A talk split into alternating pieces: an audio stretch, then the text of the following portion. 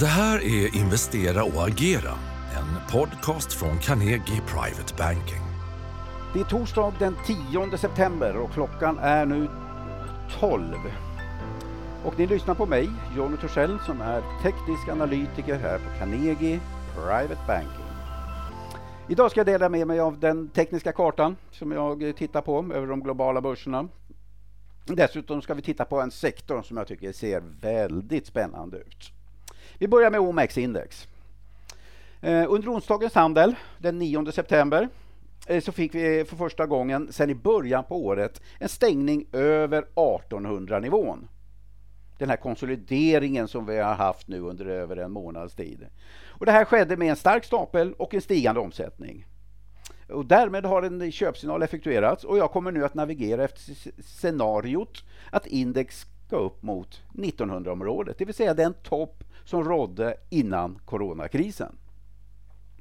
Det jag inte vill se just nu, det är ett index under någon av de här kommande dagarna eh, skulle vända ner under 1800-nivån med tydlighet och kraft. Det vill säga med en stor stapel och kanske en stigande omsättning. Det skulle vara oroväckande för den här köpsignalen. Men fram till dess det sker så kommer jag alltså att navigera efter en fortsatt uppgång mot den gamla all time high-nivån med 1900. Så det är, det är det korta scenariet som jag, som jag navigerar efter just nu när det gäller OMX-index. Tittar vi på S&P 500 så kan vi konstatera att efter en nedgång då med 7% på bara tre dagar så fick vi under onsdagen då den 9 september en återhämtning. Och frågan är nu om den här återhämtningen är starten på en ny uppgång mot nya all time high-nivåer. Det vill säga om det bara var en tillfällig nedgång och sen ska den här uppåtgående trenden fortsätta.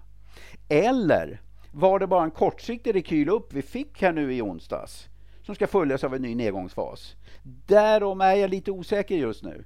Skulle tisdagens lägsta punkteras, det vill säga 33,30 ungefär, nivån i S&P Eh, så ökar risken då för en nedgång mot nästa stöd som möter vi ungefär 3200. Och 200 dagars medeltal möter därefter vi ungefär, 3, ungefär 3100. Så det blir de viktigaste stödnivåerna som jag håller ögonen på då om 3330 nivån punkteras, det vill säga 3200 till 3100.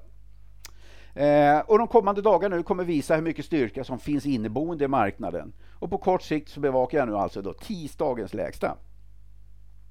Men är det så här, finns det några indikationer på att vi borde kunna få en större topp? Det vill säga att vi, vi skulle kunna ha inledningen på en större nedgång. Ja, men självklart finns det sådana indikationer. Eh, men vi har inte fått några signaler på det ännu.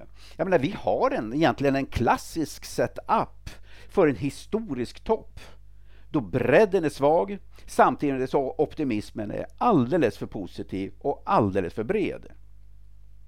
När det gäller bredden, jag menar, då vet vi allihopa, det är ett fåtal aktier som driver börsen just nu.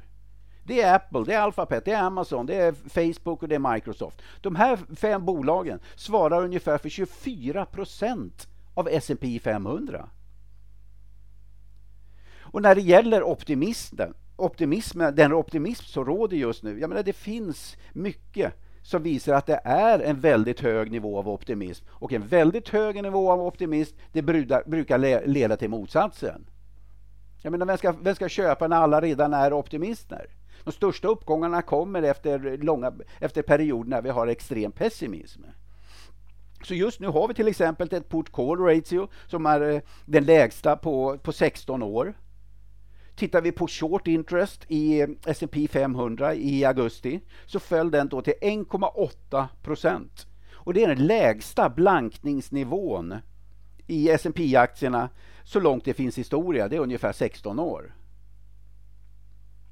Tittar vi på småspararnas aktivitet på optionsmarknaden och den mäter man då vanligtvis då genom att titta på eh, köp på 10 kontrakt eller mindre så visar den just nu på extremnivåer. Hela 7% av all optionsaktivitet på Nysebörsen är småsparare.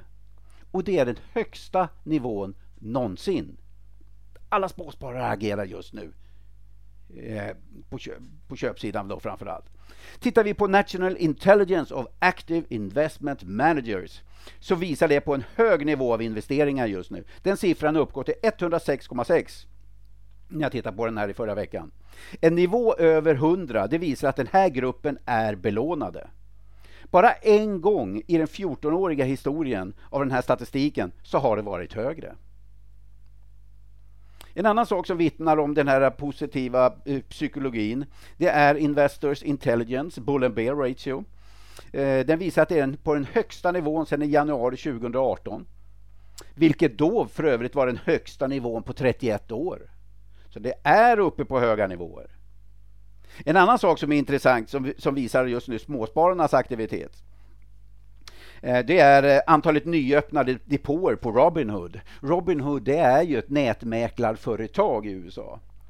Eh, där, där småsparare då kan handla gratis.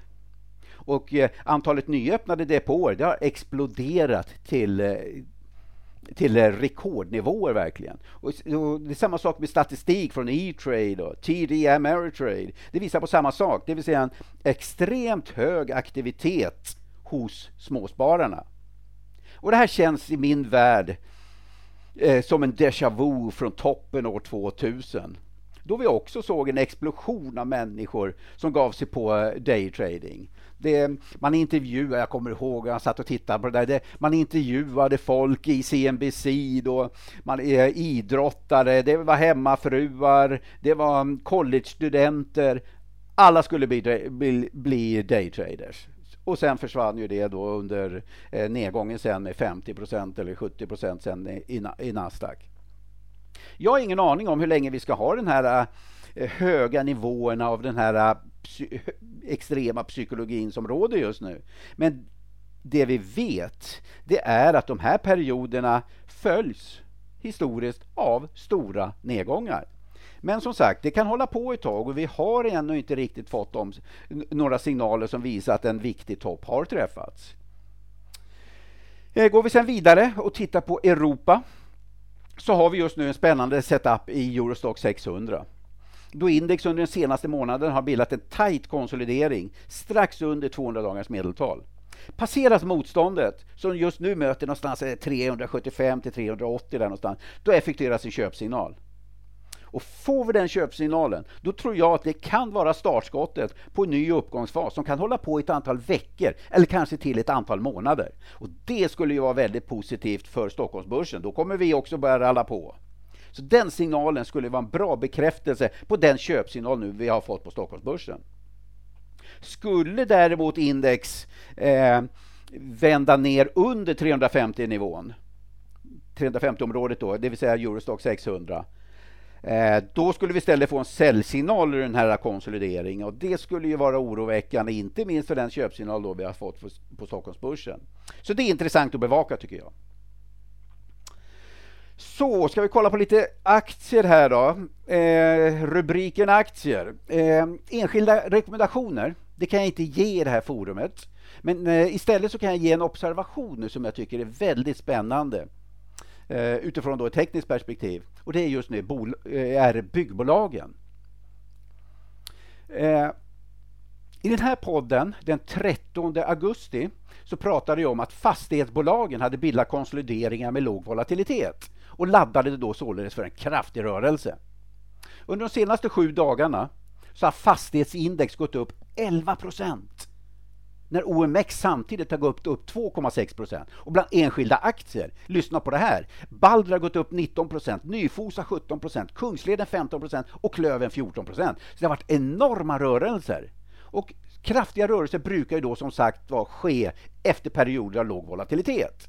Och varför nämner jag då det här? Jo, därför att vi har ett liknande tema i byggbolagen just nu. Som noteras just nu i tajta konsolideringar som brukar då leda då till kraftiga rörelser. Eh, och eh, aktierna i den här sektorn det är JM, det är NCC, det är Peab och naturligtvis då Skanska. Och de som just nu ser starkast ut, det är JM, NCC och Peab, den svagaste aktien i den här sektorn då, är Skanska. Så håll ögonen på eventuella utbrott i den här sektorn. För det här ser eh, väldigt explosivt ut. Får, får vi se om, det, om vi får de här rörelserna nu på, på uppsidan. Eh, får vi dem på uppsidan, ja, men då kommer vi få, tror jag, då, ganska kraftiga rörelser. Skulle det istället bryta ut på, på nedsidan, ja men då skulle det inte här vara särskilt trevligt då naturligtvis. Men eh, ja, vi får se. Håll ögonen på den sektorn, ser riktigt spännande ut i alla fall. Tack för visat intresse och tack för att du har lyssnat. Du vet väl att den här podden finns på både Spotify och iTunes? Om du tyckte det här avsnittet var bra får du gärna ge oss ett betyg eller rekommendera podden vidare.